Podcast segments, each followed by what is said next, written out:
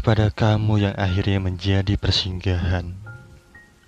Terima kasih, kau sudah menghadirkan luka ini. Kau datang dan menyeretku lebih dalam secara perlahan, menjatuhkanku dengan egomu yang menyakitkan.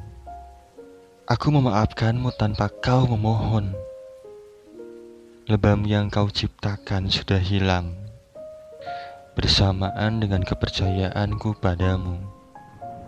Terima kasih untuk luka termanis yang kau tinggalkan. Setidaknya aku yakin keyakinan ini tak seharusnya ada. Setidaknya Aku tak menyesal atas rasa kehilangan.